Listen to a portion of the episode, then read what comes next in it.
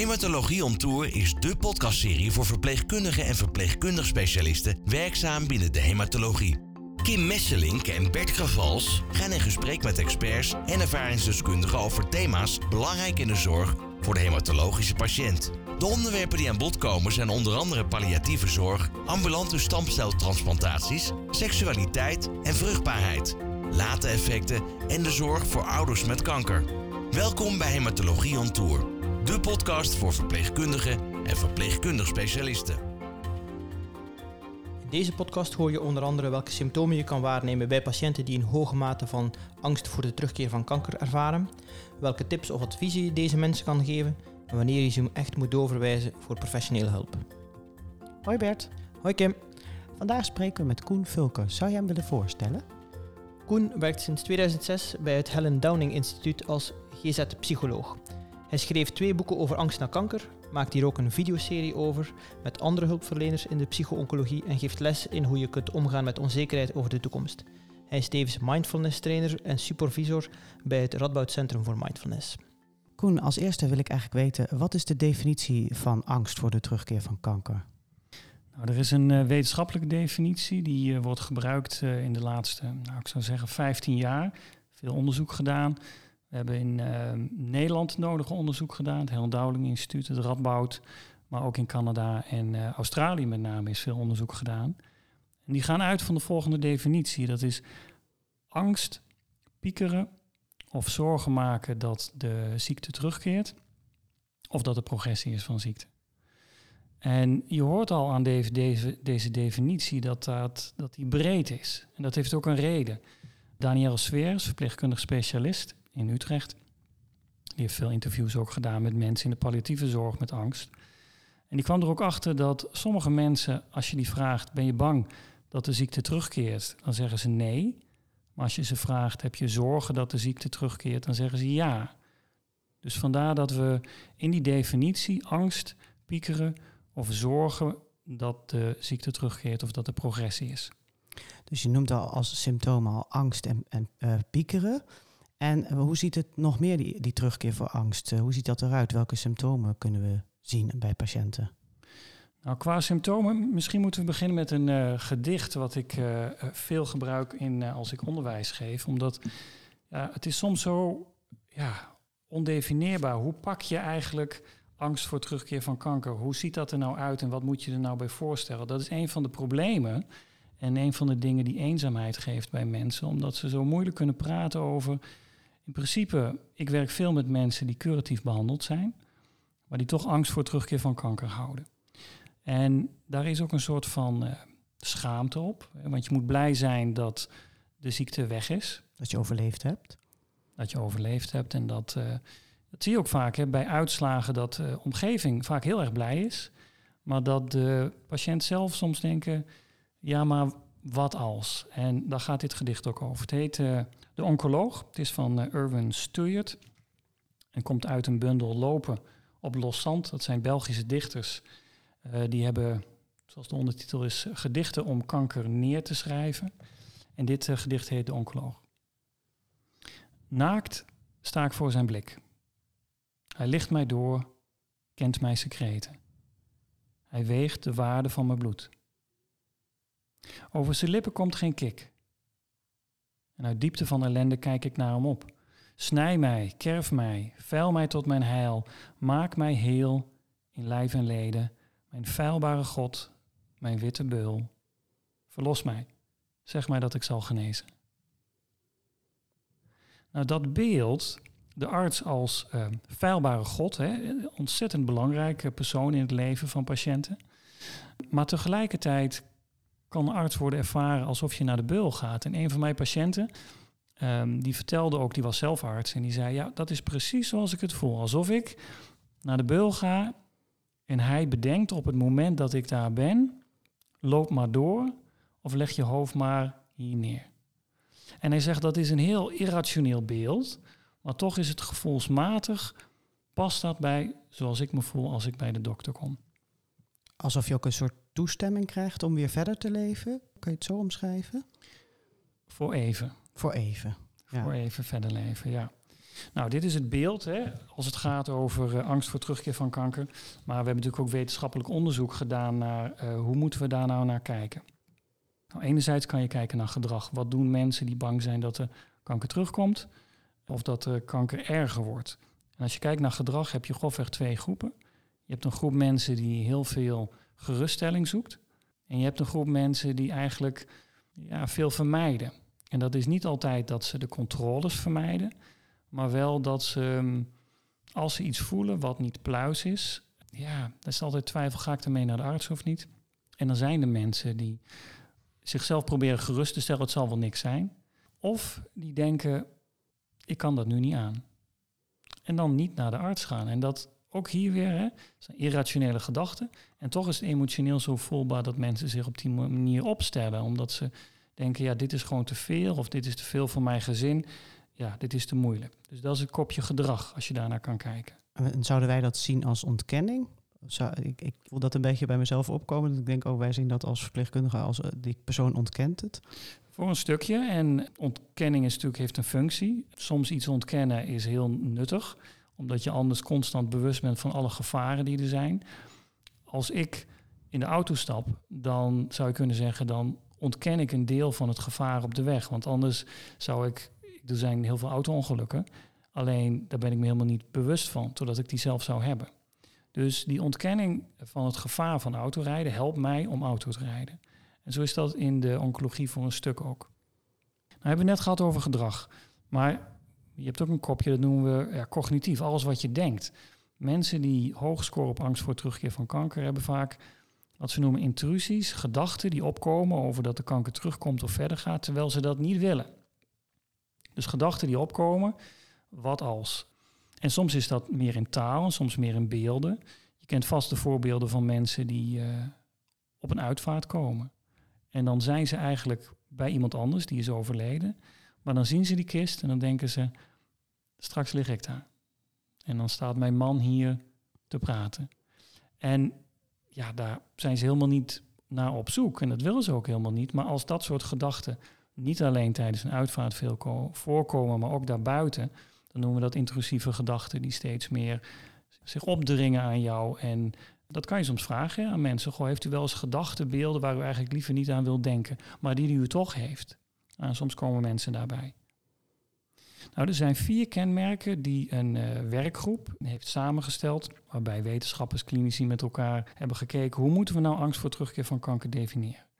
En die kwamen tot vier kenmerken. In de eerste plaats dat de angst ook hoog is. Want een deel van de angst is natuurlijk heel begrijpelijk, is een heel normale reactie, helpt je aan te passen, helpt je dat berichten incasseren voor een stuk en helpt je voor te bereiden op de toekomst. Maar dus een hoge mate van angst. En daar hebben we ook uh, vragenlijsten voor ontwikkeld. Tweede is dat het een angst is die ook persistent is. Uh, José Custus, die uh, is onderzoeker bij het Radboud, die heeft onder andere gekeken naar het beloop van mensen met angstklachten in de oncologie.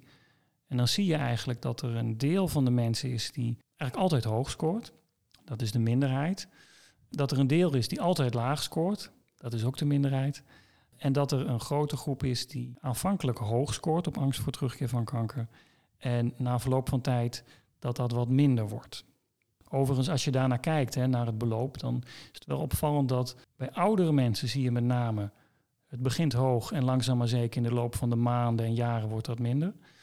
Uh, meestal na zes tot negen maanden vlakt dat een beetje af. Maar wat we zien bij jonge mensen is het tegenovergestelde. Daar wordt het eigenlijk hoger na drie maanden en nog hoger na zes maanden. Dus jonge mensen met kanker, dat is echt een uh, specifieke doelgroep die we in de gaten moeten houden.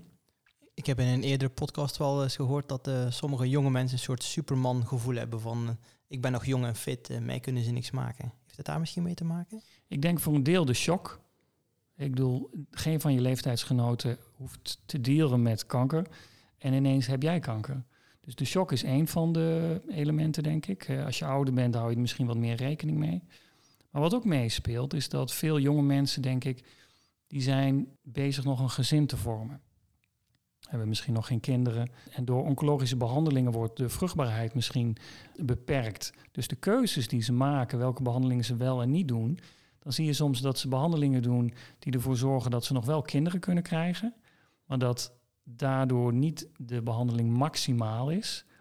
En dat daardoor angst voor terugkeer van kanker wat hoger blijft. Dus heel veel vrouwen met borstkanker die tegenwoordig niet altijd meer kiezen voor uh, preventieve chemotherapie vanwege al bijwerkingen.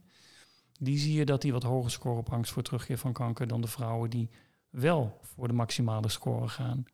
dus dat is een afweging die uh, iedere persoon moet maken. En bij jonge mensen speelt dus die uh, onvruchtbaar, mogelijke onvruchtbaarheid een rol. En aan de andere kant staan ze vaak aan het begin van hun carrière. Of hebben ze studies net afgerond en hebben ze nog een heel leven voor zich. Dus er staat wat meer op het spel, zou je kunnen zeggen, bij jonge mensen. Ja, mijn ervaring is ook wel dat, ja, dat ook wat minder begrip is vanuit de omgeving.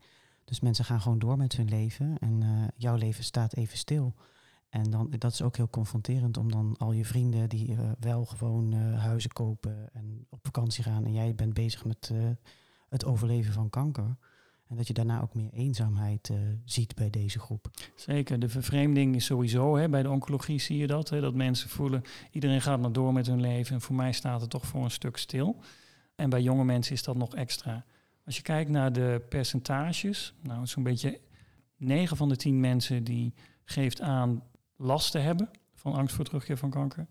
3 van de 10 geeft aan erge last te hebben van angst voor terugkeer van kanker. Dus dan scoren die op een bepaald niveau met vragenlijsten die we daarvoor hebben ontwikkeld. En 1 op de 10, uh, 7% tot 10%, die uh, heeft echt intensievere psychologische behandeling nodig. En met forsere klachten die niet vanzelf weggaan. Nou, we hadden het net over dat angst hoog zou moeten zijn. Eén, dat die persistent moet zijn. Hè, want die José Custis die keek dus door de tijd heen, dat je moet bijhouden, begint er dynamiek te ontstaan. Hè. Dus een van de dingen die verpleegkundigen kunnen doen, is in de loop van dat traject vragen: Goh, hoe staat het eigenlijk met angst voor terugkeer van kanker? En soms kijken mensen dan een beetje vreemd op, dus dan kan je het wat anders formuleren. Dan kan je bijvoorbeeld zeggen: Veel van mijn patiënten hebben last van angst voor terugkeer van kanker. Terwijl ze eigenlijk een goede prognose hebben en vinden dat ook ingewikkeld. Heeft u dat nou eigenlijk ook? En dan raak je aan de praat en hoe vaak komt dat nou eigenlijk voor? En hoeveel is dat nou eigenlijk en hoeveel last heeft u er nu van? Want er zijn mensen die hebben angst voor terugkeer van kanker, maar hebben daar niet zoveel last van. Dus je wil kijken hoeveel last heeft iemand en hoeveel beperking ervaart iemand ten gevolge van die last. De derde punt is dat ze noemen hoe gepreoccupeerd ben je met die angst voor terugkeer van kanker. Hoeveel ben je ermee bezig? Preoccupatie wil eigenlijk zeggen, ik ben er veel mee bezig terwijl ik er eigenlijk niet veel mee bezig wil zijn. Maar het alternatief, dat ik er niet mee bezig ben, dat geeft me ook een heel erg onrustig gevoel. Zijn dat de mensen die voortdurend een dokter Google raadplegen ook? Voor een stuk, dat denk ik zeker. En met dubbele gevolgen natuurlijk, want wat lees je op het internet? Nou, dan lees je natuurlijk vooral de extreme verhalen. De gemiddelde verhalen, die zie je veel minder in de media. En geeft een gekleurd beeld voor wat je te wachten staat. Dus dat raden we eigenlijk ook af om dat uh, overmatig te doen. En de laatste punt wat ik wilde noemen is dat er een soort van hyperfocus ontstaat op lichamelijke klachten. Want ja, vroeger was een pijntje een pijntje. Maar nu als je iets voelt steken bij je borst, dan denk je misschien, ja, zat dat er gisteren nou ook al? En als ik nou druk op dat puntje, doet het dan pijn? Nee, het doet niet pijn. Je drukt nog vier keer. Ja, nou begint het wel pijn te doen. Goh, pijnklachten in de borst. Zou dat te maken kunnen hebben met de vorm van kanker die ik ook al heb? Dat zou het een teken kunnen zijn dat het is teruggekeerd. Nou, dat er natuurlijk een waakzaamheid is voor die lichamelijke klachten is heel begrijpelijk dat er een overmatige focus ontstaat, ja, kan juist die angst in stand houden. Dus ik vraag wel eens aan mensen, wat heeft de dokter of de verpleegkundige gezegd tegen u, hoe vaak u uzelf eigenlijk zou moeten controleren? En hoe vaak controleert u zelf eigenlijk? En op het moment dat iemand hoog scoort op angst, heel veel controleert, dan zeg ik, zullen we eens een experiment doen? Dat we de komende drie, vier weken, dat we afspreken hoe vaak u controleert op basis van wat de arts en de verpleegkundige zeggen. En dan houden we tegelijkertijd bij hoeveel angst voor terugkeer u in de komende drie, vier weken heeft. Om te kijken of er ook een relatie tussen zit. En sommige mensen zijn ja, ook wel een beetje verbaasd dat als ze minder gaan controleren, dat de angst op een gegeven moment ook een beetje minder wordt. Wat heel tegenintuïtief is.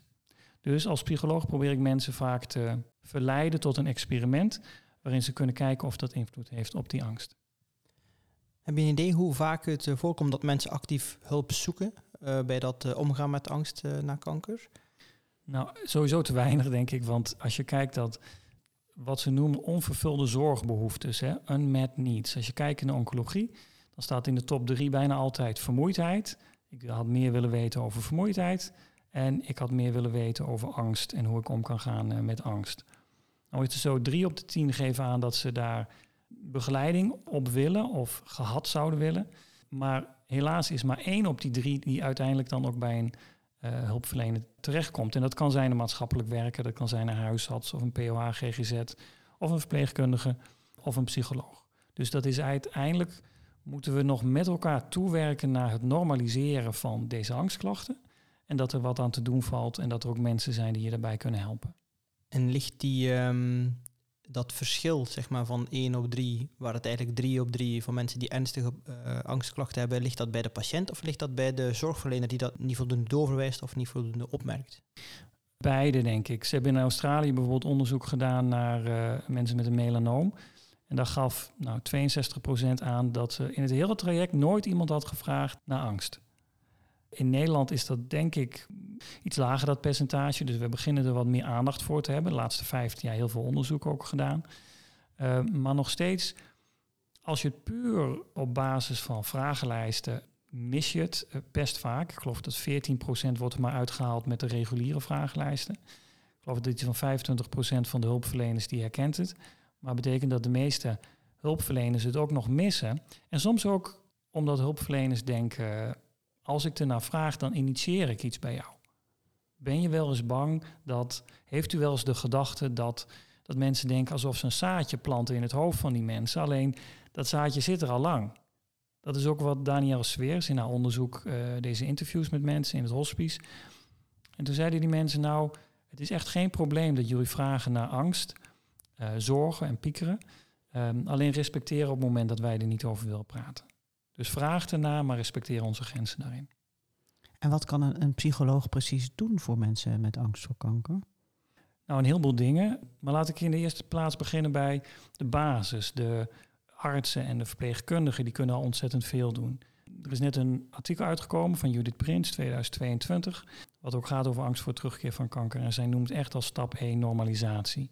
Namelijk in gesprek raken met mensen over een onderwerp wat hun ja, we hebben net gezien, en 9 van de 10 mensen heeft daar last van. Dus mensen denken daaraan, ongeacht de prognose. Dus ook als een goede prognose hebben. Dus op het moment dat je met mensen in gesprek raakt, die normaliseert, en dan kijk je op basis daarvan, geeft Judith Prins aan, wat is er eigenlijk nodig? Is bijvoorbeeld een extra vragenlijst nodig om wat meer in kaart te krijgen? En naar wie zou je kunnen doorverwijzen? En wat kunnen wij zelf ook doen? Ik bedoel, met collega's hebben we een artikel geschreven waarin we schrijven stepped care benadering. Dat we denken dat verpleegkundigen die kunnen normaliseren, die kunnen psycho-educatie geven en die kunnen meedenken over self-management.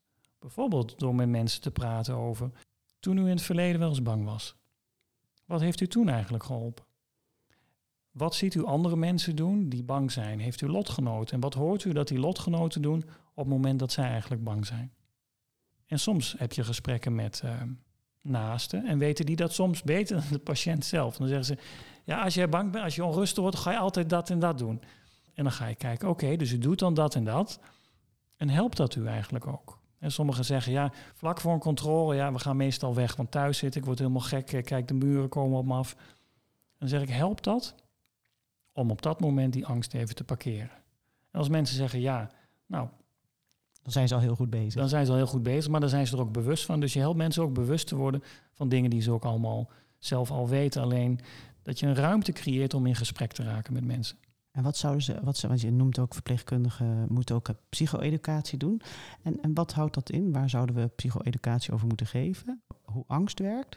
Ik denk dat dat heel erg belangrijk is. En ja, kijk naar je eigen levens. Als wij bang zijn, hoe voelt het als wij bang zijn? Wat doen wij als wij bang zijn? Hoe gaan wij zelf om met ontkenning als in onze uh, levens stresserende dingen zijn? Dus kijk gewoon naar je eigen leven en hoe soms overweldigend angst is ten opzichte van onze ratio. Met onze ratio weten we een heleboel dingen, alleen angst. Angst is een interessant iets. Hè? Als je kijkt naar angst, en ik haal daar ook wel eens de neurofysiologie bij. Het limbische systeem en met name de amygdala, onderdeel van het limbische systeem, die fungeert als een soort van alarmsysteem. Die kent maar twee standjes, veilig, onveilig. En op het moment dat die amygdala denkt onveilig, ja, dan moet je iets doen. Hè? Dan moet je in actie komen. Als je echt in een onveilige situatie bent, dan moet je niet blijven zitten, dan moet je iets doen. Dus jouw brein helpt je om dan actie te ondernemen. Wat je niet moet doen als je in gevaar bent, is rustig de dingen overdenken. Nou, rustig de dingen overdenken, dat is onze prefrontale cortex. Die helpt ons plannen te maken, van tevoren na te denken. Als dat gebeurt, wat gaan we dan eigenlijk doen? Helpt ons om overzicht te houden. Je zou kunnen zeggen dat die amygdala, dat is een soort van... Uh, Alarmknop. Ja, waar de brand, hè, er ontstaat brand, is brandalarm. En de prefrontale cortex is eigenlijk de brandweer. Die helpt je om die vlammen, die brand weer een beetje te blussen.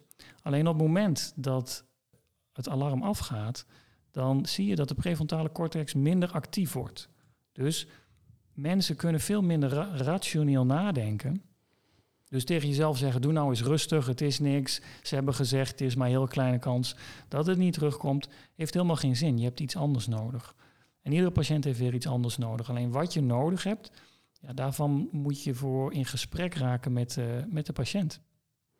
Ja, maar patiënten zeggen, ja, maar ik ervaar het ook echt, want mijn hartslag gaat dan ook echt omhoog en, en dus ik heb echt angst. Klopt dat dan niet, dat ze dat zeggen? Nee, dat klopt zeer zeker. Want op het moment dat u echt in gevaar zou zijn, uh, dan is het heel nuttig dat u dat de opgefokte gevoel krijgt, hartslag omhoog gaat, maar dan kunt u sneller reageren, sneller rennen en harder vechten als dat nodig zou zijn. Alleen als er geen acute situatie is, hè, je voelt iets in je borst en je denkt, is dat nou een knobbeltje? Zat het gisteren ook al? Ja, dat is vaak geen acute situatie. Dus dan heb je wat anders nodig dan wanneer je echt in een acute situatie zit. Die angst, dat is ook een misvatting. Het is altijd goed om te praten met mensen. Wat zijn nou mythes over angst? Wat denkt u eigenlijk over angst? Kunt u van angst kanker krijgen? Wat denkt u? En dan zeggen mensen, ja, je immuunsysteem, toch? Er was er iets mee. Gaat niet je immuunsysteem dat dat minder functioneert? Stress. Ja, inderdaad. Maar tegelijkertijd, als wij die denklijn zouden volgen, namelijk dat je van angst kanker zou krijgen of dat het terug zou keren, dan zouden we heel makkelijk kunnen onderzoeken. Namelijk alle hypochondrische mensen die heel bang zijn dat ze kanker hebben, zouden vaker kanker moeten hebben. En dat blijkt niet het geval. Wat we wel zien, is als mensen als ze heel bang zijn, drie pakjes sigaretten per dag gaan roken en twee flessen wijn per dag gaan drinken, ja, dat is niet gezondheidsbevorderend. Maar zelfs dan is het nog zo, de meeste vormen van kanker. Ja, waarom heeft u kanker gekregen? Dat weet niemand, vaak. Pech of genen, of we weten nog niet welke genen, maar... Dus leefstijl heeft een enige invloed daarop. Angst heeft daar zeker geen invloed op. Dus dat is goed dat mensen dat ook weten, dat je krijgt geen kanker van angst. Dus angst is eigenlijk iets wat je wil helpen, alleen het doet het op zo'n opgefokte manier dat je bijna gaat geloven dat wat jij voelt echt foute boel is. Want je voelt toch iets in je lichaam. Je voelt je hartslag, je voelt je zweet, je voelt je raar. En dat klopt, maar dat is de angst die je voelt. Dat is niet de, of het algemene terugkeer van kanker die je voelt. Het mogen duidelijk zijn dat te veel angst een duidelijke negatieve invloed op je kwaliteit van leven heeft. Nu, die angstuitbarsting, om het zo maar te zeggen, of de, het gepieker, gebeurt natuurlijk vaak in de thuissituatie. Um, en of uh, je kan aan zelfeducatie doen, je kan, je kan de patiënten helpen uh, om ermee om te gaan. Maar ik kan me ook voorstellen dat er een grote rol is weggelegd voor de, voor de partner of voor de mantelzorger. En welke specifieke tips kan je geven aan de mensen die in de omgeving van de patiënt staan? Nou, altijd als ik een partner uitnodig bij een gesprek, ben ik achteraf blij dat ik dat heb gedaan, want je krijgt zoveel informatie van mensen. Die mensen die kennen de patiënt zoveel beter dan jij de patiënt kent. Dus dat is al, alleen al voor ons als hulpverleners belangrijk om vaak die mensen te betrekken. Soms vraag ik aan mensen, goh, weet uw partner eigenlijk hoe bang u soms bent? En hoe zou die dat dan weten?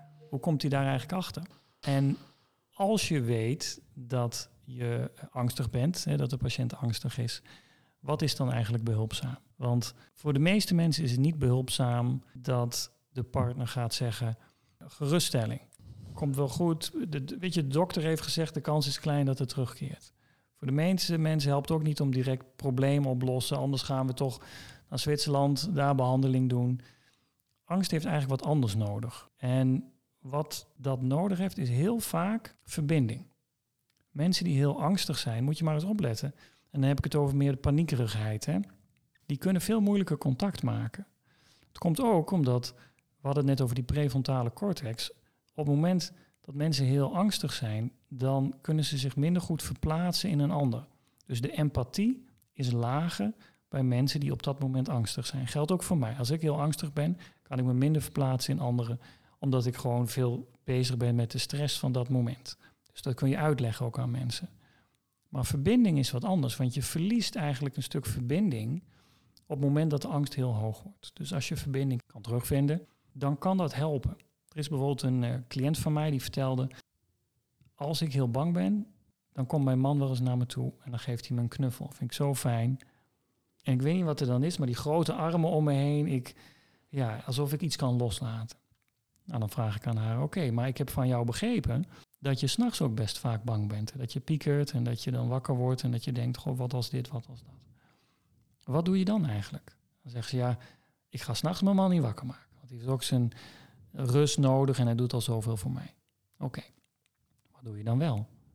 Nou, zegt ze, dan loop ik naar beneden en dan is er altijd mijn hondje. En die komt op me af en die gaat me likken en die ga ik aaien. En op de een of andere manier, ik weet niet wat het is, zegt ze, maar dat fysieke contact, ja, misschien ook wel de verbinding die deze mevrouw gaat voelen, met dat hondje, maar ook met zichzelf door dat fysieke contact, zorgt ervoor dat ik op een gegeven moment weer wat rustiger word. Dus ik denk dat wij als hulpverleners ook op zoek moeten, naast alle wetenschappelijk onderzoek dat er gedaan wordt en tips en er is ontzettend veel ontwikkeld, maar eenvoudigweg verbinding aangaan met iemand die angstig is. Kunnen terugspiegelen. Als ik zo naar u kijk, dan lijkt het alsof u zich op dit moment hartstikke onrustig en angstig voelt. Klopt dat? Ja. Waar voelt u zich vooral angstig en gespannen over op dit moment? Waar maakt u zich zorgen over? Zodat je laat zien, je kunt mij dingen vertellen. Dat geldt natuurlijk niet voor op het moment dat iemand zo angstig is dat iemand bijna dissocieert. Hè, mensen met posttraumatische stressstoornis, mensen die heel hoog zitten in hun angst en helemaal niet meer lijken te zijn, die als het ware een beetje in een bubbel gaan, die hebben weer wat anders nodig. En die hebben juist ja, ook herstel, denk ik, nodig van contact. Maar heb je meer nodig dat je wat gaat doen? Of dat je zegt, nou laten we even opstaan, kom er achter me aanlopen. Hè, want anders gaat iemand echt weg vanuit zo'n dissociatie. Maar meestal is dat niet het geval. Dus als je weer in contact kan komen met iemand op jouw manier, want jij weet manieren hoe jij in contact komt met jouw patiënten. Soms is dat door aanraking, soms is dat door een blik, soms is dat door een grapje te maken of wat dan ook. Maar dat je iets doet, hoe kom ik in contact met deze angstige patiënt? Want, en dat zegt Christine de Jong ook, die in de, bij de Rino-groep heel veel uh, onderwijs doet, medische psychologie, die zegt ook, ja, contact buffert angst. En er zijn heel veel mensen die sowieso weinig contact met anderen voelen omdat ze onveilig gehecht zijn. Omdat ze in hun thuissituatie vroeger nooit echt gezien zijn. Het idee hebben, je staat er toch alleen voor. Je moet je eigen keuzes maken. Niemand is er echt voor mij. Dus als wij als hulpverleners onze patiënten kunnen laten weten, wij zijn er voor je, wij denken met je mee. Bel, je kunt bij twijfel bellen. Dat is zo fijn. Ik hoor soms mensen zeggen, oh ik vond het zo fijn dat de verpleegkundige tegen me zei, als ik twijfel, dan bel ik. En dan zeg ik, ja, maar belt u dan ook? Ja, nee, dat, ze zijn al zo druk. Dan zeg ik, nou, ga dat doen. Dus maak een plan op het moment dat je zo angstig bent, wat je helpt. Ja, om dit te voorkomen, want ik herken heel erg dat mensen mij niet lastig willen vallen, spreek ik inderdaad af, zal ik gewoon even ieder uur komen kijken. Dat is mijn afspraak naar jou. Ja. En dan hoef je mij niet te bellen. Mag je altijd bellen, ook. Maar die weten in ieder geval zeker dat ik elke uur langskom. Dat is vaak in de nacht, is dat een goede interventie. Ik denk de nacht is dat heel belangrijk. Hè? Want in de nacht, ja, ze zeggen wel eens, hè, dan, dan komen de spoken. Die komen dan ook, ja. En ja, in de nacht is het soms ook ingewikkeld voor verpleegkundigen, omdat ze er vaak alleen op een afdeling staan, niet zoveel collega's hebben. Waar ga je op in, waar ga je niet op in? Maar op het moment dat je in verbinding kunt komen met mensen en kunt laten weten, ik kom bij jou checken, dan geeft dat al een soort van geruststelling.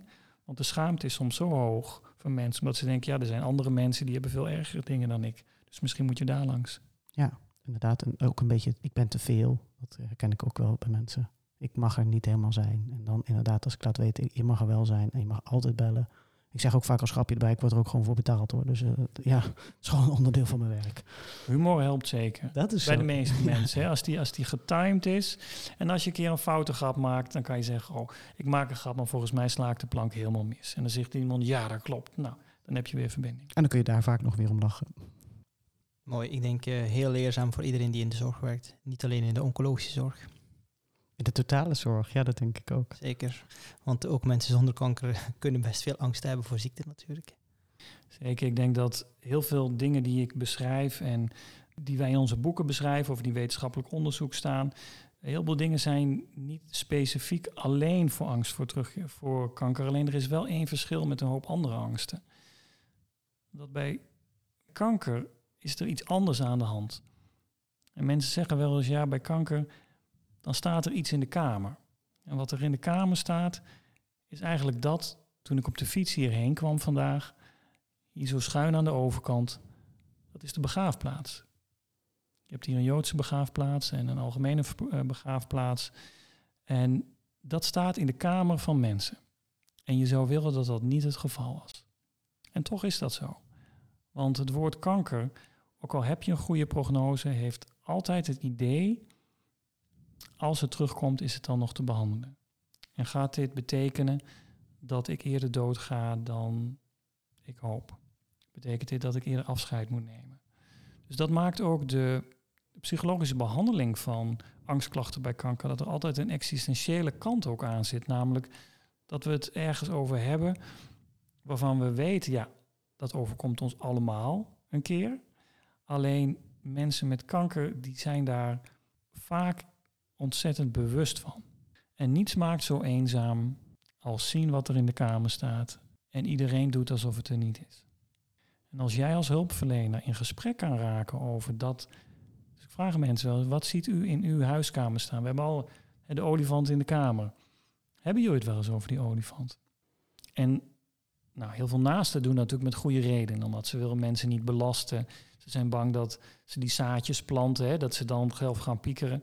Maar op het moment dat je daar niet over praat, ook al doe je dat uit bescherming, dan kunnen mensen zich nog meer vervreemd voelen van hun leven en ook van hun naasten. En dat kun je ook weer herstellen. Dus ook hier kun je de verbinding weer herstellen als je praat over dingen waar je eigenlijk niet aan wil denken. Ook die naasten niet, want die naasten die wil ook niet denken aan wat als het terugkeert en wat als ik hieraan ga overlijden.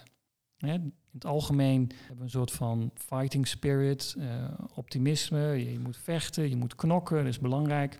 En soms is dat ook zo voor een tijdje. Alleen als dat jouw modus blijft, ik, wil, ik snap dat midden in medische behandelingen en toeters en bellen, dat je focus is op je moet dit doorstaan.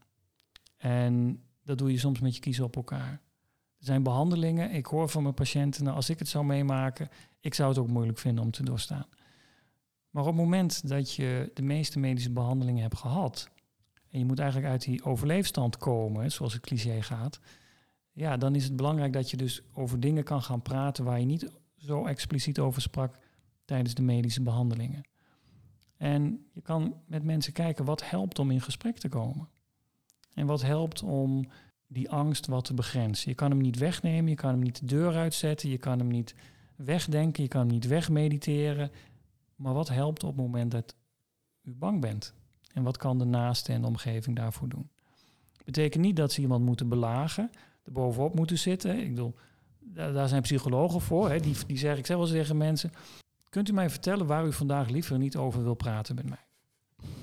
Want ik denk dat wij daarover moeten praten.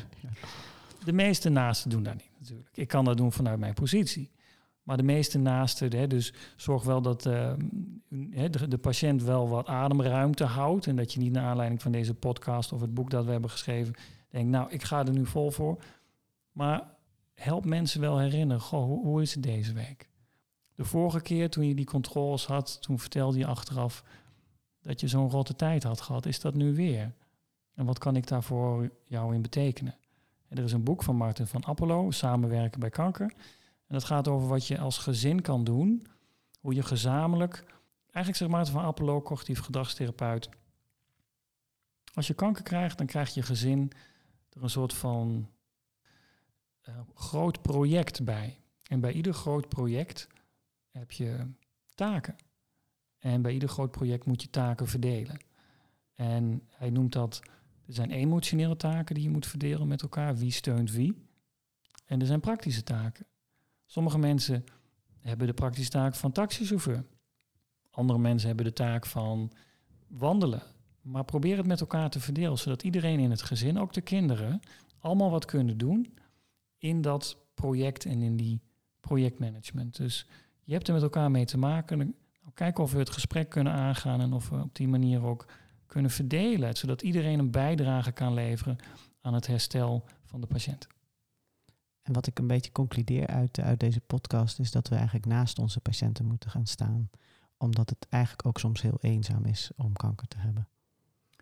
Ik denk dat het heel vaak heel eenzaam is om uh, kanker te hebben. En ik denk dat, dat is wel een goed punt wat je noemt. Als hulpverleners, uh, waar zijn wij in getraind? Behandelen. Behandelen en handelen. Daar zit het woord handelen in. Dingen doen. Problemen oplossen. Problemen herkennen en problemen oplossen. Wij zijn veel minder getraind in in contact komen met onze patiënten. Want sommige patiënten willen inderdaad dat een probleem opgelost wordt. En dan is het heel handig dat je kan zeggen, oh, ik zie al wat er aan de hand is. Dit en dit is er aan de hand. Oh, ik zie u heeft een paniekaanval. Nou, heel veel mensen hebben dat als we dit en dit doen, dan zorgt ervoor dat u op een gegeven moment ook wel weer rustiger gaat voelen. Zullen we dat even doen nu? Nou, hè, dus dat is je expertise. Dus heel veel mensen hebben behoefte aan onze expertise, anders zouden ze niet bij ons komen. Maar daarnaast hebben ze ook behoefte aan iets anders. En ik noem dat ook wel, dat is onze medemenselijkheid. En uh, hier schrijft daar ook prachtig over.